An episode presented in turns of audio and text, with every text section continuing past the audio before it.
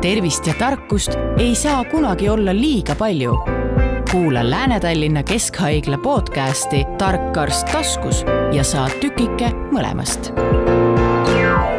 tere kõigile, kes te vaatate või siis kuulate Lääne-Tallinna Keskhaigla saadet Tark arst taskus meie hulgas on päris palju selliseid inimesi, kelle igapäeva saadab suurel hulgal ärevaid mõtteid ja kokkuvõttes võib selline ärevate mõtete ja tundega, et kohe-kohe midagi juhtub, elamine olla väga koormav ja tuua kaasa äärmiselt palju probleeme. just ärevushäiretest me täna räägimegi ja stuudios on külas psühhiaater doktor Ants Kask, kes on ühtlasi Lääne-Tallinna Keskhaigla psühhiaatriakeskuse ülemarst juhataja, tere Ants! tere! ja Peaasi EE tegevjuht, kliiniline psühholoog Anna-Kaisa Oidermaa, tere! tere! No räägime kohe alustuseks selle peamise lahti, ehk siis mida see ärevushäire üldse endast kujutab, et on selline mõiste, kuidas me peaksime seda mõistma? no kui me räägime häirest, siis me räägime haigusest, et sellise ärevuse puhul on tegemist patoloogilise ärevusega, et mis ei ole nagu normaalne. üks et, asi on tavaline ärevus ja teine asi on siis haiglaslik ärevus, jah? jah mm -hmm et võib-olla see nii-öelda erinevus ongi seal see, et äh, selline ärevus nii-öelda tavaelus võib-olla on niisugune loomulik eluosa ja aeg-ajalt me seda ikka kogeme ja see on igati nii-öelda sobilik, et see võib-olla tõstab sellist nii-öelda sooritusvõimet, aga sellise patoloogilise ärevuse puhul see hakkab juba inimese elu halvama, takistama kas ma saan sellest siis nüüd õigesti aru, et kui näiteks inimene spordivõistlusel, tal tuleb saja meetri jooks ja see ärevus, mida ta seal stardis tunneb, see on normaalne, see aitab ta sooritusele kaasa. aga kui seesama ärevus saadab teda hommikust õhtuni, siis see on juba ärevushäire. ja et siin on noh, küsimus selles, et mis on nagu antud, mis situatsioonis on see ärevus nagu sobilik, et kui see inimene on stardijoonel ja tal nii-öelda pulss tõuseb ja et siis, siis ta saab nii-öelda kiiremini nagu minema, eks, aga kui see ärevus on pidevalt, siis see hakkab nagu kurnama ja vesitama, et see.... nii vaimselt kui füüsiliselt, eks ole. Anna-Kaisa, kui palju sinu kui kliinilise psühholoogi juurde praegu ärevusega siis ütleme, noori inimesi või lapsi jõuab? no meie juurde Peaasjade Keskusesse tuleb valdavalt just ärevuse probleemidega noori tegelikult et see on üks kõige tavalisem ju vaimse tervise häda, mis, mis praegu inimestel on ja, ja, ja hästi tihti tuleb sellega tegemist teha. kuidas, kuidas ärevusega inimesed kirjeldavad seda, et mis nende sees toimub, et millised mõtted või millised tunded neil sees on? Ehm, no ärevusega on ju selline lugu, et see on hästi selline kehaline tunne tihtipeale, eks ju, et just selleks samaks, äh, mis Ants ütles, et, et saaks paremini minema, kui on tõesti mingisugune olukord, kus aga peab sooritama. aga tõesti, et kui, kui on ainult mõtted sellest äh, sellisest ohuootusest võib-olla ütleks või sellisest enda kokkuvõtmise olukorra ootusest ja need on kogu aeg peas pöörlevad et siis on ka keha hästi-hästi pinges kogu aeg. Mõned inimesed ütlevad, et nagu niisugune metallist võru oleks ümber pea keeratud ja muudkui krutitakse seda võib-olla kinnipoole. noh, kõhus midagi keerab, kripeldab kuskil. vibratsioon on sees kogu aeg. jah, et ja. käed võib-olla värisevad, võib-olla eh, higistamine, punastamine, eks ju, ma ise tunnen mm., mul on ka natuke praegu seda, selle esinemise ärevusega. situatsioonipõhine, eks mm -hmm, ole. jah äh, aga, aga jah, et, et loomulikult ka sellega on seotud sellised äh, mõtted, mis tavaliselt on suunatud siis äh, just tulevikule ja need on sellised negatiivse fooniga või et, et mõtled, et aga mis mhm. siis, kui, et äkki juhtub nii, äh, mis siis saab, mis ma siis teen, kuidas ma siis hakkama saan, et, et sellised teemad võivad seal peas olla kogu aeg aga kuidas psühhiaatri jaoks see piir jookseb, et kust maalt see ärevus siis saab juba selliseks nagu ütleme, diagnoosiga ärevuseks? noh, ega tegelikult inimesed ju tänapäeval panevad ise endale diagnoosi, et nad on nii-öelda lugenud ja, ja kui nad nii-öelda nagu pöörduvad, et see noh, diagnoosi mõte on äh, ja ka see, et nii-öelda dokumenteerida need vaevused ära, mis inimesel nagu on. et neid juhtumeid ikkagi on noh, väga, väga vähe, et kus inimene läheb, tuleb psühhiaatri juurde ja lahkub sealt nii-öelda diagnoosita. et selleks on ikkagi mingid kindlad nii-öelda põhjused, eks, ja juba see, et inimene ise tuleb abi otsima, noh ju näitabki, et tal on need vaevused avaldunud sel nii-öelda määral, et on nii-öelda abi vaja, mingit sekkumist. et see milline see nii-öelda diagnoos on, et see tihtipeale võtab veidi nii-öelda aega ja see ei olegi tegelikult kõige tähtsam, eks, et äh, kõige tähtsam on, et inimene saaks kuskile nii-öelda järje peale ja temaga, tema probleemidega kellegi teise inimese abil hakatakse nagu tegelema mm. -hmm. kui tihti, kui tihti seda juhtub, et selle ütleme, arsti juurde tuleku puhul on nii, et inimene esialgu arvab, et tal on ärevus, aga tuleb välja, et tal on, ütleme, veel mingisugused asjad sarnased, mis seda olukorda siis ütleme, võimendavad, et ma ei tea, kas tal on see aktiivsuse tähelepanuhäire veel sealjuures, et kas ärevushäire tahab nagu sõpru ka võtta kohe kaasa? nojah, eks, et võib-olla mis selline trend on, on ka, et räägitakse võib-olla hästi nii-öelda lihtsalt, et selline ärevus on väga selline nii-öelda üldine nagu kaebuseks ja kui ainult sellega nagu piirdudagi, siis noh, võikski inimesele panna diagnoosi täpsustamata ärevushäire ja hakata seda nagu ravima, eks, aga. aga nad ole, saavad selle generaliseerunud ärevushäire? ei saa tegelikult, eks, et noh, see on palju nagu keerulisem, et muidugi me jagame need ärevushäired sinna mingitesse gruppidesse, et on selline generaliseerunud ärevushäire, üldistunud ärevushäire, et inimene on pidevalt äre, ärev, siis on selline ärevushäire, kus inimene on ärev teatud nii-öelda situatsioonides, eks, et kohtudes nii-öelda teiste inimestega, et siis me räägime sellisest sotsiaalärevusest. siis on mitmesugused foobiad, hirmud, eks, mis käivad ka nagu ärevushäirete alla. ja noh, see ärevus on väga selline üldine reaktsioon, et seal võib taustal olla hoopis, hoopis teised nii-öelda häired, näiteks seesama, need aktiivsustähelepanuhäired depressiooniga on tihti mingil määral nagu ärevust koos. räägime sellistest teatud nii-öelda isiksuse joontest, eks, et kus äh, inimesed ongi loomult nii-öelda ärevad. Neil alati võib-olla ei ole see nagu isiksushäire tasandil, aga see noh, ärevus tegelikult avaldubki neil äh, noh, nii-öelda teiste inimestega nagu koos olles, eks, et äh, siis on seal mingid traumad võib-olla taga või nad lihtsalt ei tunne Äh, noh, teiste inimestega koos ennast nii-öelda turvaliselt või, või see ärevus, eks tekib äh, seetõttu, et äh, inimene kuidagi on nii-öelda kammitsetud ja ei tunne ennast nii-öelda vabalt, eks, ja siis need noh, sisemised pinged, mis on, ka viivad sellise ärevuse tekkeni mm. -hmm.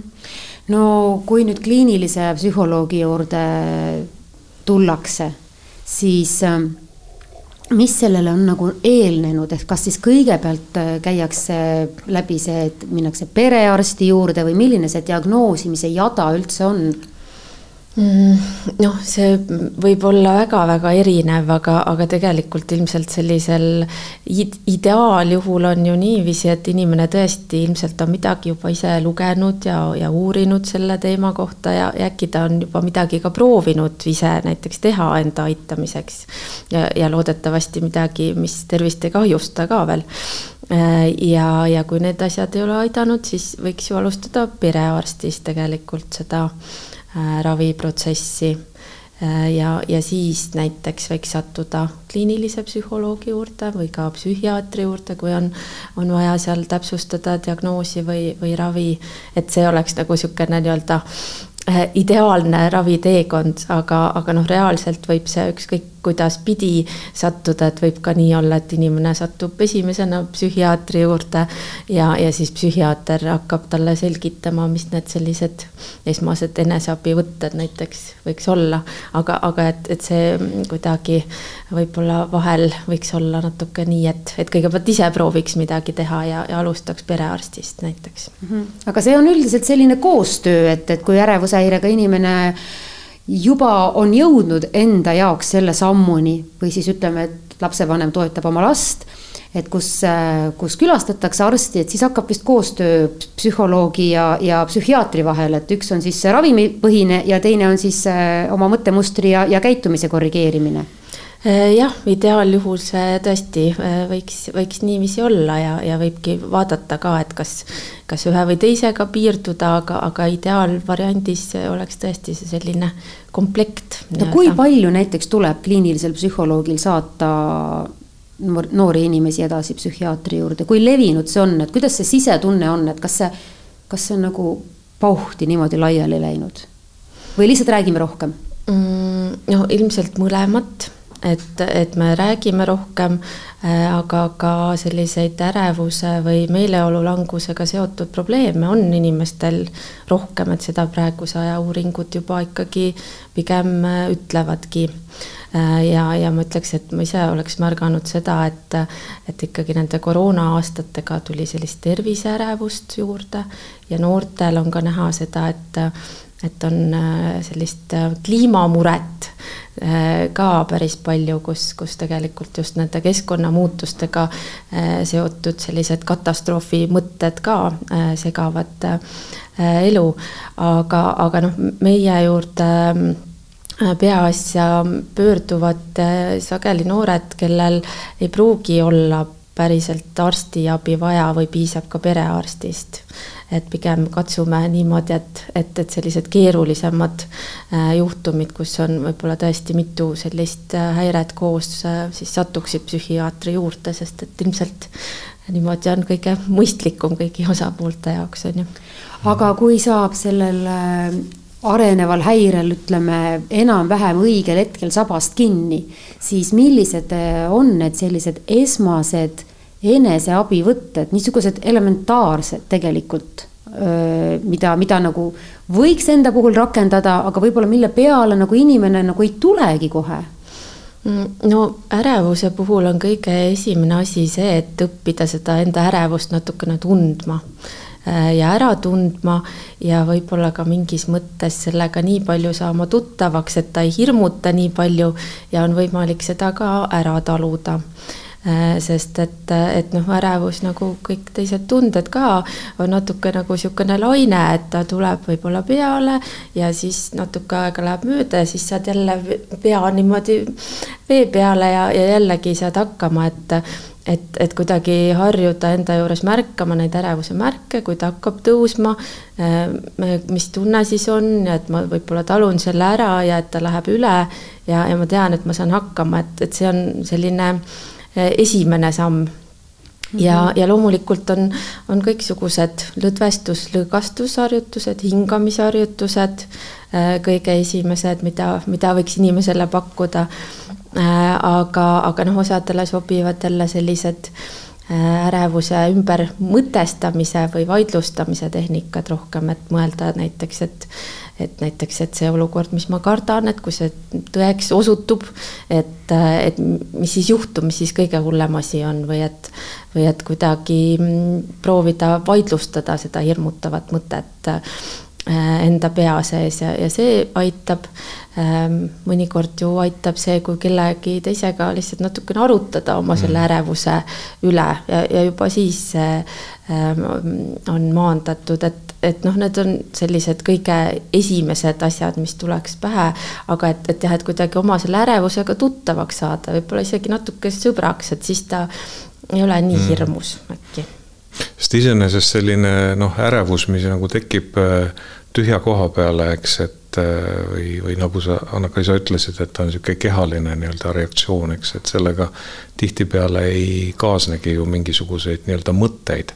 et see ärevus iseenesest on nagu märk sellest, et äh, midagi on valesti või mingid nii-öelda probleemid on nagu lahendamata või, või inimene nii-öelda tõrjub neid, on kuidagi endast nii-öelda välja, et ei taha teatud nii-öelda asjade peale mõelda, siis, siis ka see ärevus ilmselt tulebki sellisel kehalisel nii-öelda kujul, eks, ja ja, ja selline ärevus, mis tekib, et noh, see on kindlasti ju märk sellest, et midagi on valesti, et millegagi peab nii-öelda tegelema, eks, et kui see on selline puhtalt nagu psühholoogiline, see on üks, üks variant, eks, aga et seal võib olla ka sellised nii-öelda ärevusseisundid võivad tekkida näiteks, kui on mingeid keemilisi ühendeid kasutatud, mis on noh, tänapäeval väga nii-öelda levinud, et see ärevus on selline nagu võõrutussündroomi ilming, et et see tasakaal on välja aet-, noh, paigast ära aetud. Kui me mõtleme praegu selle peale, et ei, ei meeldi ju ja ei taha keegi, et noored kasutaksid äh, tugevaid uimasteid nii palju. aga kas võib tõmmata sellise paralleeli, et see on võib-olla inimeste eneseaitamise viis, et, et ehk nad peaksidki jõudma hoopis psühholoogi ja psühhiaatria juurde, sest et tihtipeale ju selliste ainetega püütakse oma ebamugavat või halba või, või sihukest enesetunnet parandada. Mille asemel võiks olla hoopis mingisugune käitumuslik äh, parem lähenemine, eks ole, enda, enda häirele või siis lausa ka päris ravimid ja et see no üks äh, Briti psühhiaater kunagi ütles, et äh, igasugune uimastite tarvitamine on märk psüühilisest häiritusest. ehk siis need inimesed ja. vajavad rohkem abi, vähem karistust? No see on natuke teine teema, et kas, kas me karistame või kas me tegeleme sellega, et, et see nii-öelda piirid on kahtlemata nagu olulised, eks, aga äh, ma arvan, et see sõnum on siin tegelikult äh, see, et noh, ühest küljest, eks on, on uudishimu, eks, aga et kui see on mingisugune viis nii-öelda probleem, mingite probleemide lahendamiseks, et siis on ikkagi noh, vaja päriselt nende probleemidega tegeleda no ilmselgelt kontrollitud ained enda enesetunde parandamiseks on siis need, mida saab siis äh, läbi psühhiaatriga kohtumise ja see on tunduvalt äh, ütleme, vähem riskantne tervisele, pigem siis tervist toetav, kui need on mm. retseptiravimid. aga kui kaugele üldse see ärevus on keskmiselt arenenud, enne kui üldse jõutakse psühhiaatri juurde? Äh, psühhiaatri juurde lihtsalt äh, ärevushäirega tavaliselt vist ikkagi nagu ei tulda. Et siis see asi on juba kestnud nagu kauem või tekib selline nii-öelda kurnatuseks ja noh, depressioon on tihti juures, et see meeleoluhäire on juba nii-öelda tulnud, et äh, kui noh, arenguliselt ka vaadata, et et mis vanuses millised häired tekivad, et siis on, kõigepealt ongi tavaliselt ärevushäire, siis tuleb depressioon, eks, ja noh, siis tulevad kõik nii-öelda muud nagu asjad.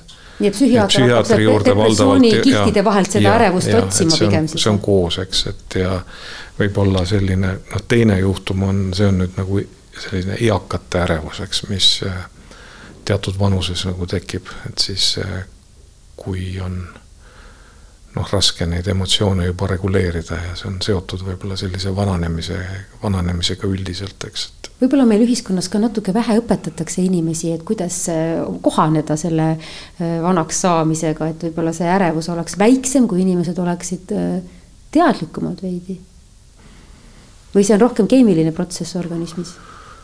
Ei, see võib nii keemiline olla kui psühholoogiline, eks, et ühest küljest see nii-öelda vananemine ju toob kaasa kõik mingisugused äh, nii-öelda kaotused, eks, et meie nii-öelda tervis ei ole enam sellel tasemel nagu varem, eks, ja sellega, kui on nii-öelda raske leppida või kui ei tunnistata seda kui paratamatust, et äh, siis tekib ka nii-öelda ärevus. no kindlasti on seda ka, et on palju ärevaid inimesi, ärevushäirega inimesi, kellel on see nii kaua umbes juba teismelise east saadik, et see on nende reaalsus. kui me praegu ühiskonnas sellest nii palju ei räägiks, võib-olla nad ei teakski, et neil see on, nad lihtsalt teavad, et neil on kogu aeg olla väga raske, väga koormav, nad on füüsiliselt ja vaimselt väga kurnatud. et olete te tähele pannud, et ka nagu sellised inimesed on nüüd lõpuks ometi, ma ei tea, lausa keskeas jõudnud, jõudnud spetsialisti juurde noh, me näeme neid nagu äh, ju kogu aeg, eks, et see ärevus on nagu väga-väga sage, eks, ja noh, omal ajal ka ju räägiti, et see noh, et siis kasutati nagu teisi termineid nagu neurootilisus, eks.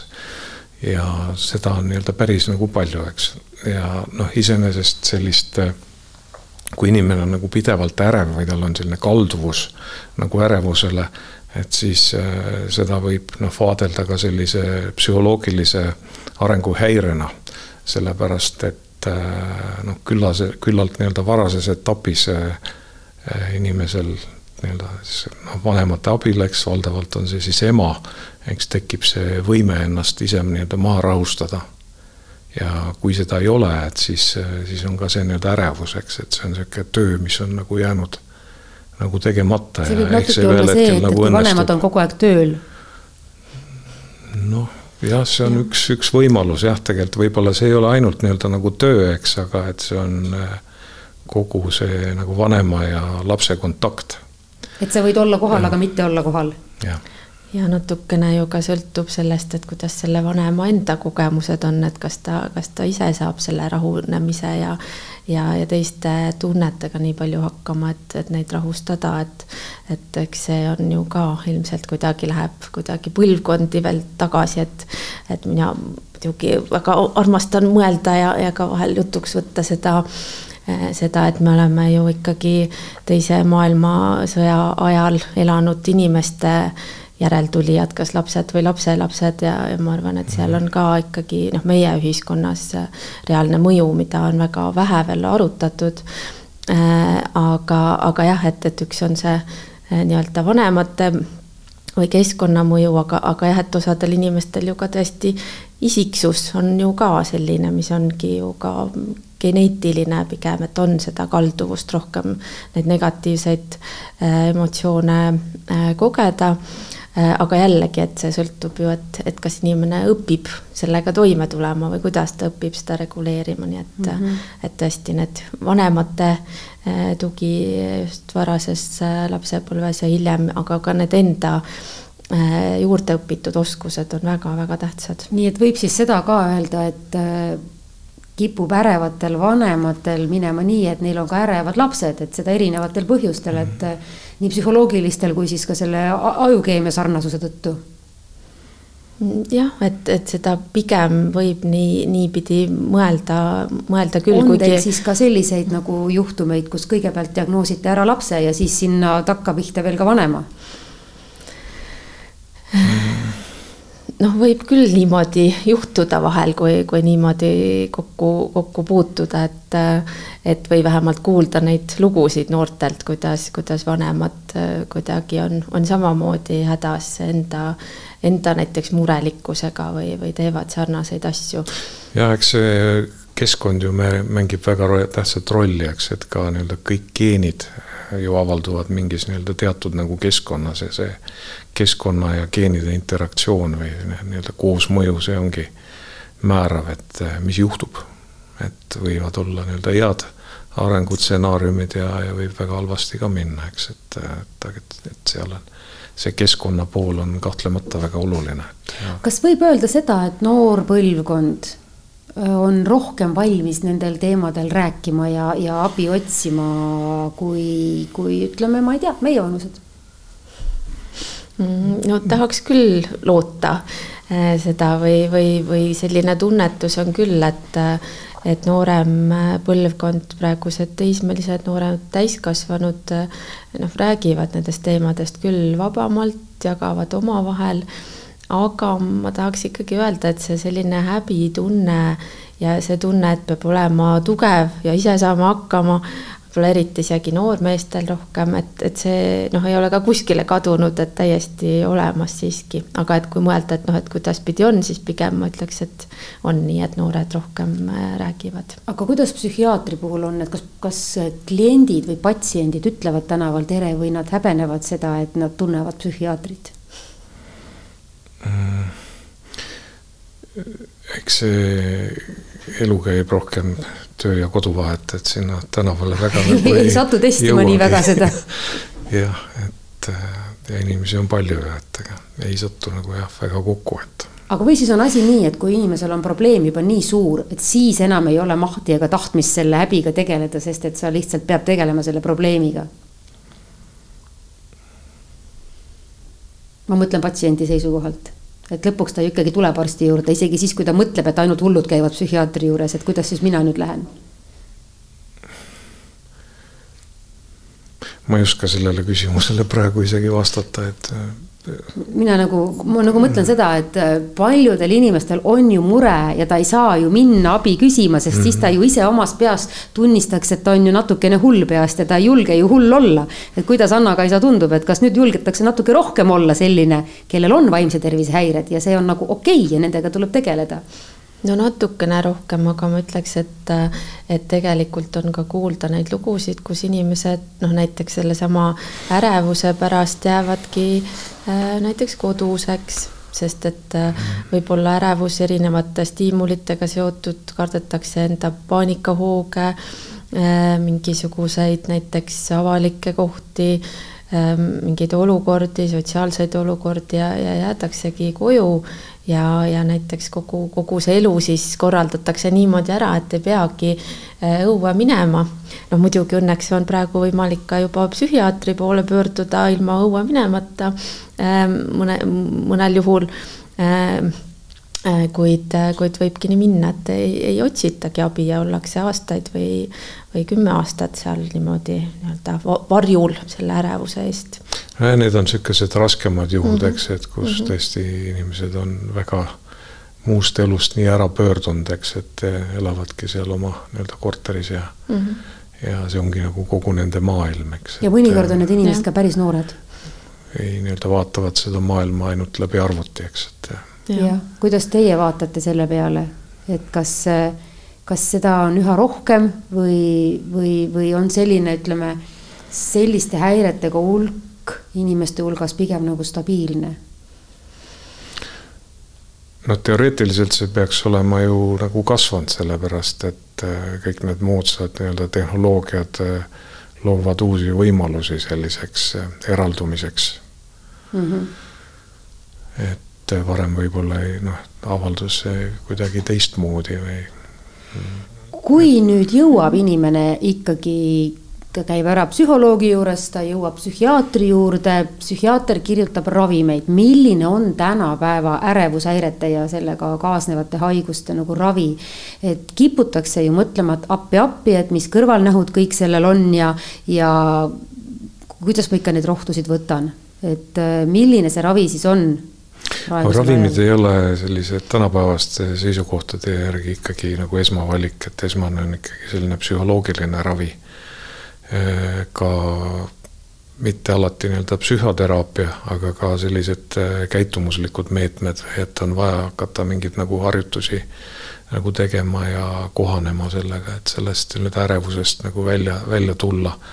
ja ravimeid noh, kasutatakse selliste raskemate nii-öelda ärevuste korral või kui on kiiresti vaja need äh, sümptomid kontrolli alla saada ja et mingid teised asjad ka oleks nagu võimalikud, et äh, et siis on vahest on selline nii-öelda lühiajaline ravi, et kasutatakse rahusteid, aga tõesti väga lühiajaliselt ja, ja vahel ka, et on antidepressandid, mis selle ärevuse alla võtavad, et teatud äh, inimestel on võib-olla sellised biokeemilised äh, nagu eripärad, et nad äh, reageerivad teatud stiimulitele hästi tugevalt ja, ja see see, nad ei olegi nagu võimelised noh, uusi asju õppima, enne kuni selle eh, ülikõrge ärevuse saab neil nii-öelda nagu alla, et eh, selle jaoks on seda ravimravi ka kõrvale vaja hakata, ja, ja siis ühel hetkel saab selle ära jätta võib-olla mm. -hmm. Kui me nüüd räägime sellistest väiksematest patsientidest, lastest, kellel see ärevushäire on samuti välja kujunemas, siis kuidas üldse lastega tööd teha, et äh, et see ei läheks nagu suuremaks, et see ei kasvaks ja see ei areneks, et lapsed ju suhtlevad teistmoodi ja nad räägivad teistmoodi ja nad võib-olla väljendavad ennast teistmoodi. et milline see äreva lapsega koostöö on? Ehm, no eh, lastel ärevushäireid diagnoositakse ju harvem kui, kui teismelistel või, või täiskasvanutel. aga tegelikult eh, lapse eh, siis selline ravi või toetamine käib ikkagi koostöös perega, et et seal ei ole võimalik sellist varianti mõelda, et, et nüüd saadame selle, ma ei tea, seitsmeaastase lapse kuskile psühholoogile või, või doktor Kase juurde ja ta vaatab nii, et enam ma ei ole lastepsühhiaater. no nagunii, eks ju, aga et, et, et tegelikult ikkagi perega koostöös ja, ja sellesama siis sellise psühholoogilise ravi kontekstis rohkem. et et, oleks ikkagi võimalik vanematel tõesti õpetada seda last toime tulema ja, ja, ja vanemaid toetada, et nad oskaks oma lapse ärevusega ka ise hakkama saada ja, ja mitte võib-olla ise liiga hirmule minna sellest. aga, aga noh, muidugi lapsed ei räägi niimoodi ärevusest nagu suured inimesed, et et vahel see võibki selliste erinevate valutamistena äh, väljenduda või siis sellise vältiva käitumisega mm. hästi tihti. koolilaste kõhuvalu ja noh, see on võib-olla selline leebem variant sellest, aga noh, näiteks, et ei lähegi äh, kooli või lasteaeda mingil juhul, et nii suur selline hirmu äh, reaktsioon tuleb äh, peale, et ei mm. saagi niimoodi lasta uksest välja nii-öelda, et, et siis see juba kindlasti on üks niisugune mm. häirekoht või, või siis selline separatsiooni ärevus, et vanematest ongi liiga raske eemal olla ja vanematel võib olla liiga raske lapsest eemal olla ja ja, ja siis seda elatakse välja kas niiviisi, et välditakse mingeid olukordi või näiteks söögiisu läheb ära ja, ja muidugi see magamise teema on ka ikkagi väiksematel lastel äh, ja, ja ka noorematel koolilastel, et, et need on need sellised märgid, mille mhm. kaudu võib-olla võib näha. see magamine seda. vist on teismelistel ka suur mure jah, absoluutselt, aga, aga noh, seal ka ei pruugi olla alati ärevusega seotud, vaid, vaid ka eluviisi mm valikutega, aga, aga kindlasti esimene eh, selline ohumärk võib küll olla see, et kui, kui ei saa magada piisavalt eh, inimene, eriti mm -hmm. laps aga kui lapsepõlves äh, väga sellega ei tegele, et ütleme, ei jõua psühholoogi ega psühhiaatri juurde, nendest lastest kasvavad sellisel juhul ärevad täiskasvanud, nad jõuavad lõpuks äh, äh, psühhiaatri juurde siis sinnasamma Lääne-Tallinna Keskhaiglasse on ju, et äh, kui suur see võimalus on, et neid õnnestub nagu päriselt aidata, et kas, millest see sõltub hmm.?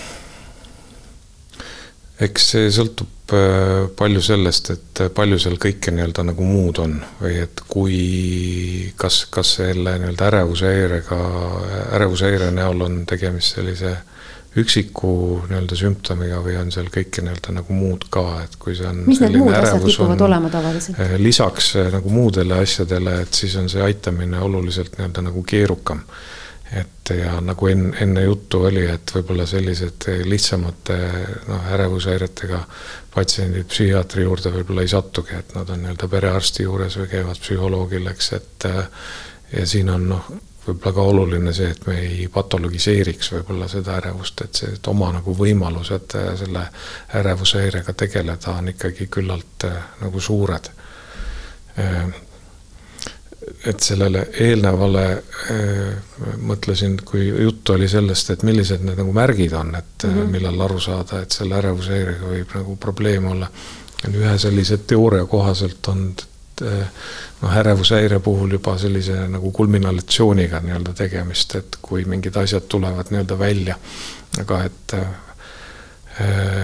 hirmutada nii-öelda nagu ei tahaks, aga et võib-olla ka kui on selline väga vaikne laps või sihuke mm. vaoshoitud äh, nagu laps, et äh, seal noh, peaks ka nad nii-öelda nagu vaat-, vaatama, eks, et vahest üks seletus sellele ärevushäirele tekkele ongi see, et kui sellised need emotsioonid, mida see inimene üritab nagu kontrollida, ikkagi ühel hetkel pääsevad nagu välja, et siis see avaldub sellise nii-öelda ärevusena, eks, ja selline ülim eh, emotsionaalne vaoshoitus eh, võib-olla on ka selline nii-öelda ohumärk mõnes mõttes mm. -hmm et lapsel on ikkagi arenguliselt väga kasulik, kui ta saab kogu aeg vanematelt seda tagasisidet, et ta on okei okay,, et see, mis ta teeb, on okei okay,, kuidas ta käitub, kuidas ta räägib, mida ta tunneb, et see kõik on okei okay,, et see siis peaks aitama tema niisugusele, ütleme tasakaalus arengule kaasa ja seda ärevust äkki siis nii väga ei, ei, ei tulegi, et. nojah, ja see just, et olukord on turvaline, eks, et, et, et võib mm., võib olla rahulikult ja võib mängida ja võib naljatleda ja võib hullata mm -hmm. ja, ja, ja et see on täiesti turvaline keskkond, eks ju, et see on tähtis just selle ärevuse puhul no kui te olete nüüd kohtunud praeguse aja noorte lapsevanematega, kas äh, te vaatate nagu tuleviku suunas äh, läbi oma eriala sellise äh, optimistliku ja positiivse pilguga, et kas praeguse aja lapsevanemad on teadlikumad, ehk siis kas meil kasvavad vähema ärevusega lapsed loodetavasti selles keerulises keskkonnas, mida see digitaalmaailmas ja väga suure infotulvaga maailmas elamine kaasa toob ühest küljest on inimesed teadlikumad, teisest küljest on ju keskkond äh, seda häiret nagu järjest rohkem soodustav. noh, mõtlen seda, et sihukeses olukorras, kus on nagu niisugune suur nagu infotulv, eks, et mm, see ei ole väga sihuke adaptatiivne ka keskenduda nagu sellele. Või et see on nagu tähelepanu siirdamine kõige selle, selle, sellele, mis on kuskil nagu kaugel, eks, et äh, see võib olla ka nagu vastureaktsioon äh, millegile, et äh, ei taheta millegi muuga nagu tegeleda või nii-öelda muretsetakse nagu asjade pärast, mis on nagu kaugel, eks, et see noh, paratamatult nagu ju juhtub, aga inimese enda võimalused ja seda mõjutada on ju väga väikesed, et selles mõttes see ei ole nagu mõistlik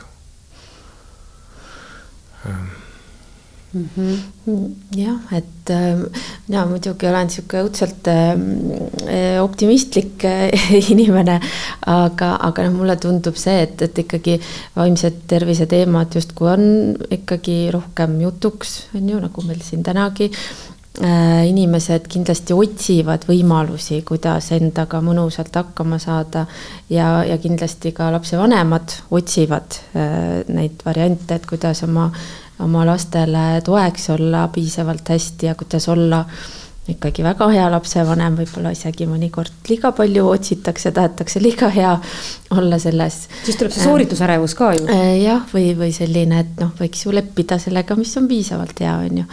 aga, aga, aga noh, neid võimalusi on ikkagi väga palju, mida, mida igaüks saab äh, proovida, katsetada Mm, kuidas ikkagi noh, iseennast ja oma lapsi toetada või et, et selles mõttes seal on lootust minu meelest küll. Eh, kuigi noh, võib ka minna kuidagi teistmoodi, et me kunagi ju ei tea. aga, aga noh, et kui tõesti ollagi, ma ei tea, võtta, mõelda nende vaimse tervise vitamiinide peale ja olla looduses oma lastega ja, ja mängida ja koos ja, ja lollitada, nalja teha oma lastega koos ja julgeda eh, noh, kuidagi koos katsetada võib-olla ka neid äh, hingamisharjutusi või teha vaikuse minutite harjutusi või, või teha niimoodi mänguliselt ja mõnusalt, siis, siis tegelikult just ju laste toetamine on vanematele suurepärane võimalus äh, ka iseendaga õppida paremini hakkama saama, nii et, et seal on lootust küll. millised need vaimse tervise vitamiinid, see on väga tore fraas, äh, millised need siis veel on, mis nagu ütleme, tuleksid kasuks kõikidele inimestele east hoolimata? Noh, need on sellised baasilised alustalad, eks, et liikumine, piisav, siis selline tasakaalustatud toitumine, uni õudselt tähtis teema, millest me ka põgusalt rääkisime, aga tõesti ka selline positiivsete emotsioonide kogemine ja, ja heade suhete hoidmine ja, ja ma arvan, need on kindlasti kõik need elemendid, mis ka ärevust aitavad äh, reguleerida ja need on tasuta kättesaadavad ja nende saamiseks. aga need on ka... suur defitsiit teinekord. no on defitsiit, aga, aga samas ähm, noh, nende tekitamiseks oma ellu ei pea järjekorras ootama mitu mm -hmm. kuud, et võib kohe hakata tegema. kui palju tuleb psühhiaatril ka selliseid elementaarseid soovitusi anda, mis on kohe nii elementaarsed, et inimene vaatab suurte silmadega otsa, et kas päriselt see aitab või? no ikka jah, see uni ja liikumine ja neid asju tuleb kogu aeg üle rääkida ja siin ka kui neid ravijuhendeid vaadata, et seal on väga palju selliseid nii-öelda positiivseid muutusi, et rõhutatakse just nende elustiili osakaalu, et kui palju need ikkagi vaimse tervise parandamisele saavad nagu kaasa aidata, et need on, need on väga olulised. -hmm. just ja praegu kevadisel ajal looduses liikumine näiteks oma perega koos oleks selline ideaalne võimalus, kuidas iseennast ja teisi turgutada ja rahustada. et patsiendid ise saavad sellest ka aru, et me, mõned on nii-öelda öelnud, et oh, et nüüd ma käin õues ja see on nagu palju parem, kui seal spordisaalis rassida, et nad näevad ise ka, kui kui kasulik see on. et kõigepealt tuleb vist äh, selleni jõuda, et sa paar sellist asja nagu tõesti ära teed, et selle kogemuse järgi nagu seda enda, enda õnnestumist ja, ja paremat enesetunnet tajuda, et ilmselt see alustamine on vist see kõige, kõige raskem inimestel. et üldse seda sammu ette võtta ja siis ongi, et kõigepealt rohud aitavad, eks ole, et nende sammudeni jõuda tihtipeale no ma ei tea, kas rohud nüüd nagu aitavad, eks, et mis aitab äh, ikkagi, on selline no nii-öelda elutervete nagu rutiinide tekitamine, eks, et niisuguste erakorraliste asjade tegemine, see nõuab alati nagu mingit pingutust ja siis sa teed midagi nii-öelda eri, erilist ja pead mõtlema, eks, aga et kui saab nii-öelda teatud asjad nagu sobitada nagu oma elu sisse ja see kukub nagu loomulikult välja, et siis siis on see lihtsam ja, ja see kasu on ka suurem. et sellest rutiinist võib-olla, mida alguses on veidi raske seda endale saada, lõpuks saab elustiil, mis sinu vaimset tervist äh, siis äh, toetab mm. -hmm. no näiteks lähed äh, ühe peatuse võrra trammist varem maha ja jalutad ja vaatad, kas linnud laulavad, et mm, -hmm. et sellist tüüpi väikesed pisikesed sammukesed on need, mis, mis viivad siis niisuguse mõnusama enesetundeni lõpuks. jah, et see ärevushäirete puhul on ka just see niisugune no nii-öelda märkamine on hästi nüüd oluline või et seda kasutatakse ka sellist tehnikat nagu see mindfulness või kuidas see Teadar eesti keeles nüüd on jah, et sa nii-öelda mm -hmm. võtad nagu aja maha ja rahulikult noh, naudid seda päikesepaistet ja seda aega. äreval inimesel on väga raske rahulikult midagi nautida. et, et see aitab ka. jah, aga kui sa nüüd ähm, kui seda märkamist sai mainitud, siis äh, kuidas lähedased äh, võiksid toetada ärevushäirega inimest, et kuidas nemad võiksid märgata, äh, et nüüd on nagu aeg olla, olla toeks või olla abiks ja mida siis teha no kõige parem on, kui see on omavahel läbi räägitud, et, et minu meelest on see ikkagi kõige-kõige parem variant, kui inimene ise ütleb, mis ta, mis ta soovib, et lähedased äh, teeksid, et kas niisama näiteks istuks tema juures või te, teeks teed äh, või jutustaks midagi või juhiks tähelepanu eemale, et see on kõige parem, kui ikkagi inimene ise ütleb, mis ta mis ta tahab, aga kui ta ei tea täpselt, mis ta tahab, et siis ma soovitaks ikkagi küsida, et kas sa tahad, et ma niisama istun sinuga või sa tahad, ma jutustaks midagi või tahad, ma, ma ei teagi, teen kukerpalli, et sulle naeru peale ajada või noh, et noh, nagu anda variante näiteks, et mis oleks mõnus aga tuleb ette äkki ka selliseid olukordi, kus lähedased ei näe, et ärevus üldse on mingisugune probleem ja inimene on suhteliselt üksi sellega. see pole ju selline haigus, et sul kuskilt ma ei tea, verd jookseks või mädaneks või paistes oleks või et äh, kui palju tuleb tööd teha veel sellega, et see on nagu päriselt asi, millega peab tegema, tegelema?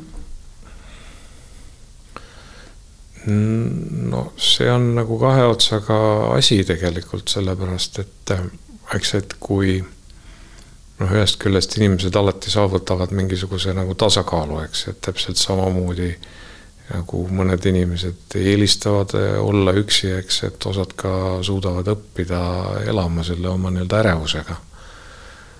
et eh, selline noh, nii-öelda ütleme, need normipiirid on suhteliselt nii-öelda laiad ikkagi, eks, ja ja siin on võib-olla määrav nagu see, et eh, kuidas inimene ise sellega nagu toime tuleb et ärevushäired on noh, ütleme suhteliselt ikkagi kerged, et see nii-öelda kõrvalvaataja noh, roll äh, ei ole siin võib-olla nii, nii suur nagu selle häire seisukohalt, et nad tahavad, lihtsalt peab suhtlema nagu inimesed ja ikka suhtlevad, et mitte nagu lähtuvalt sellest, et tal on nüüd nagu ärevushäire. ja suhtleme temaga kuidagi teisiti, nii otseselt ja. või mm? -hmm. või kuidas sa arvad? Noh, muidugi inimesega ikka mm. nagu inimesega ma olen ka selle lähenemise poolt.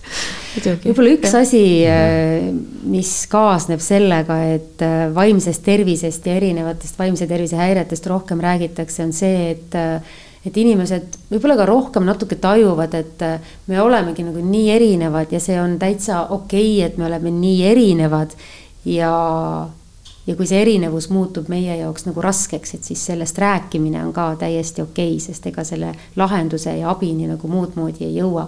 mina väga tänan kaht inimest, kes selle abi saamise teekonnal paljude jaoks on äh, väga olulised inimesed, ehk siis Peaasi tegevjuht ja kliiniline psühholoog Anna-Kaisa Oidermaa, aitäh ja doktor Ants Kasklääne, Tallinna Keskhaigla psühhiaater ja siis psühhiaatriakeskuse ülemarst, juhataja, aitäh head vaatajad, meie tänane saade Tark arst taskus on selleks korraks läbi. ma usun, et see teema kõnetas paljusid ja ehk on nüüd paljud ka julgemad, juhul kui see teema neid puudutab, sellega ka tegelema. kõike head ja kohtumiseni peagi. tervist ja tarkust ei saa kunagi olla liiga palju. Kuula Lääne-Tallinna Keskhaigla podcasti Tark arst taskus ja saad tükike mõlemast